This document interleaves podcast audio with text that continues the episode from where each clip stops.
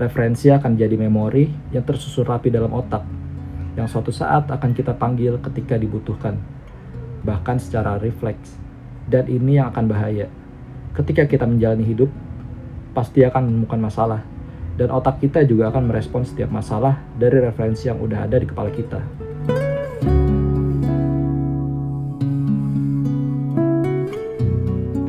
Assalamualaikum teman-teman, selamat datang di Kolam dan Kolbu, episode perdana, kini mengudara. Kalian pasti pernah ketemu sama orang yang suka banget sama sesuatu. Misal suka sama mobil. Dia pasti hafal banget kan sama tipe-tipe mobil. Dari yang klasik sampai yang keluaran terbaru. Atau mungkin suka sama Harry Potter gitu. Sebutannya Potterhead dia pasti bisa tuh ngejelasin cerita Harry Potter dari buku pertama sampai buku ketujuh. Fasih gitu, tiap kejadian dia hafal dengan detail karakternya siapa aja, kejadian ini itu ada di halaman berapa, atau contoh yang lagi ngetrend sekarang nih, K-popers gitu kan. Suka sama dramanya, sama boy group atau girl groupnya gitu, atau apalah tuh, uh, aku nggak tahu tuh. Aku nggak tahu Blackpink aku nggak tahu uh, Twice aku nggak tahu ITZY. Nggak tahu tapi nyebutin ya nama-namanya.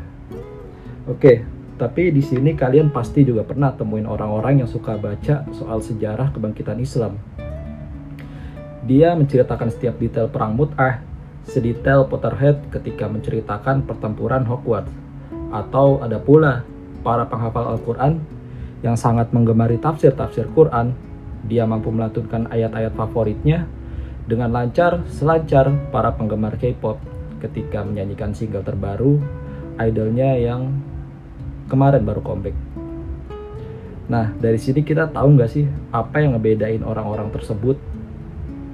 Hmm, jawabannya adalah ya referensi. Mereka sama-sama bisa mahir menuangkan apa yang mereka dengarkan, mereka lihat, atau mereka konsumsi. Manusia secara alamiah emang kayak gitu, kayak teko. Kalau isinya air putih, gak mungkin ketika dituang ke gelas, yang muncul itu jadi air susu. Jadi gak ada ceritanya. Kalau ada orang yang mau berdampak dan memiliki andil dalam kemajuan peradaban, tapi kerjaannya cuma lebih banyak melakukan hal-hal yang kurang bermanfaat ah lu lalu udah kayak sok bener banget. Kayak lu udah bener aja dalam memilih informasi. Ya teman-teman. Aku pun sampai saat ini bikin podcast ini bukan berarti aku udah bener. Aku pun masih berusaha sampai sekarang buat milih hal-hal apa aja yang bakalan aku konsumsi yang bakal jadi referensiku.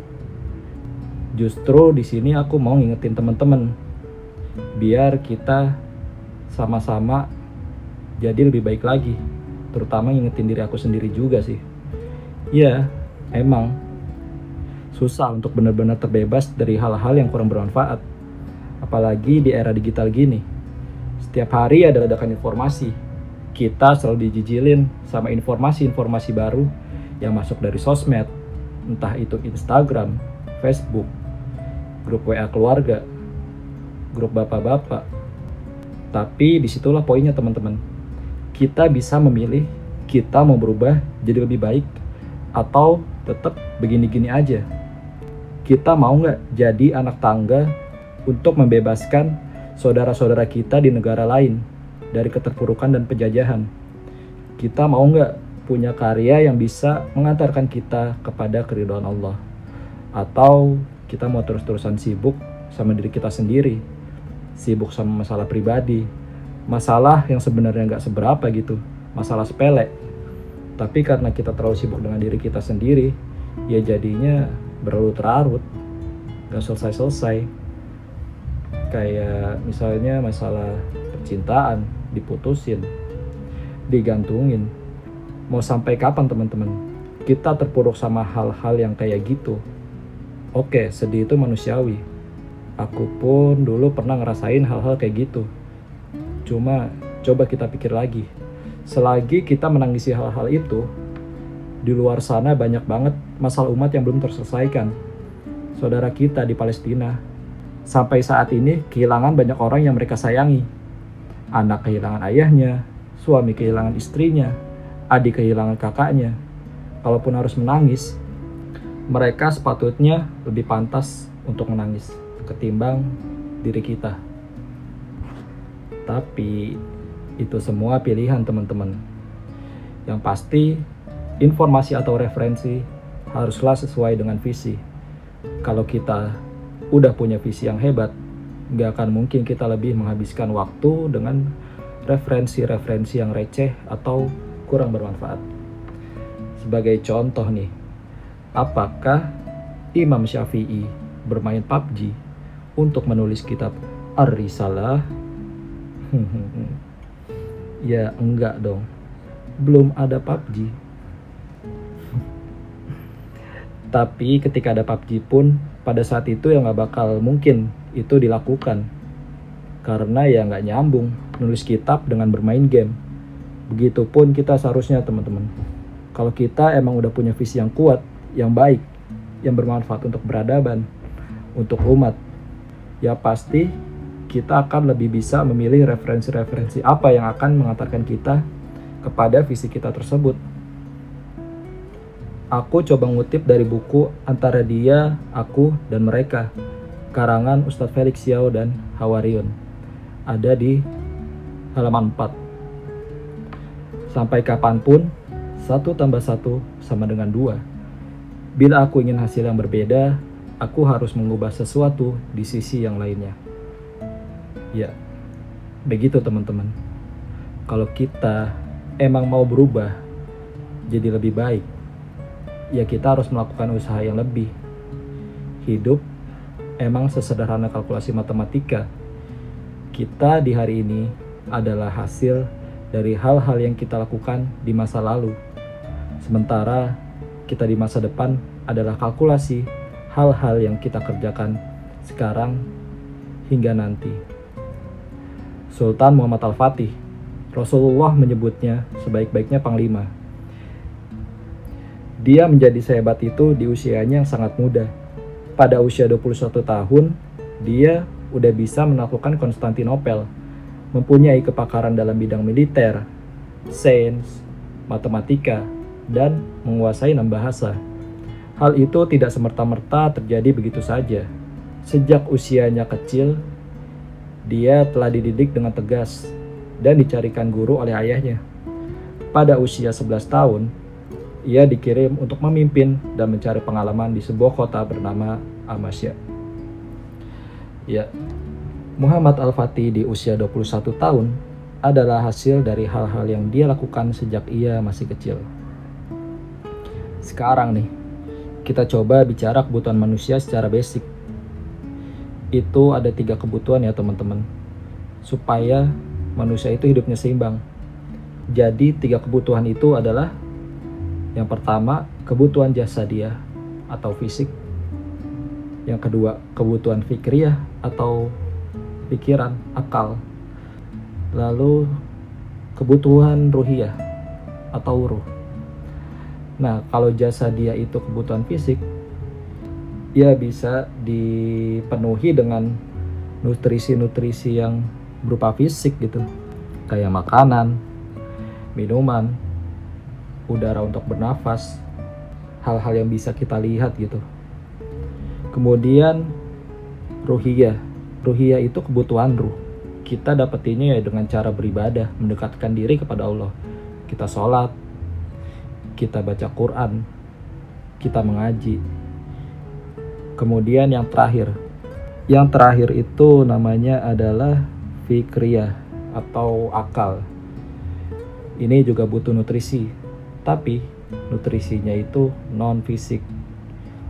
Nutrisinya kita butuhin untuk biar kita bisa berpikir, bisa bertindak sesuai hal-hal yang ada di kepala kita. Jadi, selainnya nutrisi fisik, yang kalau kita salah mengonsumsinya maka tubuh kita bereaksi buruk. Nutrisi non fisik juga bisa kayak gitu. Kalau kita mengkonsumsi informasi yang buruk, ya kita juga bakal ada konsekuensinya gitu. dari pikiran kita akan jadi buruk juga. Contoh nih, kalau misalkan hal yang fisik, kita misalkan makan apel yang busuk, kita mungkin hanya akan merasakan sakit perut beberapa saat aja, cuma beberapa hari lah, paling lama gitu, jangka pendek. Tapi coba kita pikir, kalau kita salah mengkonsumsi informasi, mengkonsumsi referensi, mungkin tubuh kita saat itu ya baik-baik aja, nggak langsung ada sakitnya, nggak langsung ada cacatnya. Cuma kita lihat dari jangka panjangnya teman-teman. Pribadi kita akan rusak secara pemikiran, tingkah laku, atau yang paling parah, habit. Referensi akan jadi memori yang tersusun rapi dalam otak, yang suatu saat akan kita panggil ketika dibutuhkan, bahkan secara refleks.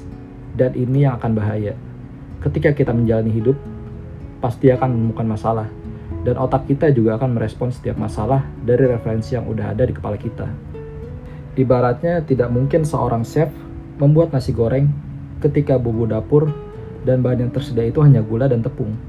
Tidak mungkin seorang yang lebih sering membaca dan melihat hal buruk melakukan tindakan-tindakan yang bijak ketika dia menghadapi masalah. Ini juga nih teman-teman yang bahaya. Ketika di dunia nyata kita nggak pernah bisa milih kapan masalah mau datang kita pasti dituntut spontan dalam menghadapi masalah. Nah, makanya biasanya kita akan menyelesaikan masalah sesuai dengan referensi-referensi yang udah kita punya. Misal, kita ngelihat drakor tentang perselingkuhan. Hmm. Cewek diselingkuhin sama suaminya. Kemudian di drakor itu si cewek malah balas dendam. Pakai cara selingkuhin balik. Hmm. Ah, enggak kok. Aku juga paham itu gak bener aku nonton juga pasti sambil ngefilter mana yang bener dan enggak. Iya, kamu mungkin bisa bilang gitu sekarang. Tapi gimana kalau nanti udah di real kejadian? Apa benar sempat mikir? Faktanya ketika orang menghadapi masalah, ya mereka akan berpikir dengan cepat, mengakses informasi-informasi yang sering dikonsumsi. Jadi lebih bahaya mana? Salah konsumsi dalam hal yang nutrisi fisik atau salah konsumsi dalam hal nutrisi non fisik yang berupa pikiran. Kalau aku mikirnya ya lebih bahaya ketika salah konsumsi yang non fisik. Karena itu jangka panjang, teman-teman. Pemikiran itu adalah hal yang susah banget dirubah. Jadi mulai sekarang kita coba deh pelan-pelan kita rubah referensi kita. Kita filter nih hal-hal apa aja yang bisa kita ma masukkan ke dalam pikiran kita. Oh ya teman-teman, referensi pun itu bisa menggerakkan hati kita untuk berkecenderungan. Contoh nih, cowok yang sibuk mempelajari soal kebangkitan umat pasti akan tertarik juga dengan wanita yang memikirkan hal-hal tersebut. Gak mungkin dia tertarik sama cewek yang sibuk dengan dirinya sendiri, dengan masalah pribadinya Begitupun juga sebaliknya teman-teman. Ya, referensi akan membentuk semacam filter otomatis untuk kita bertindak.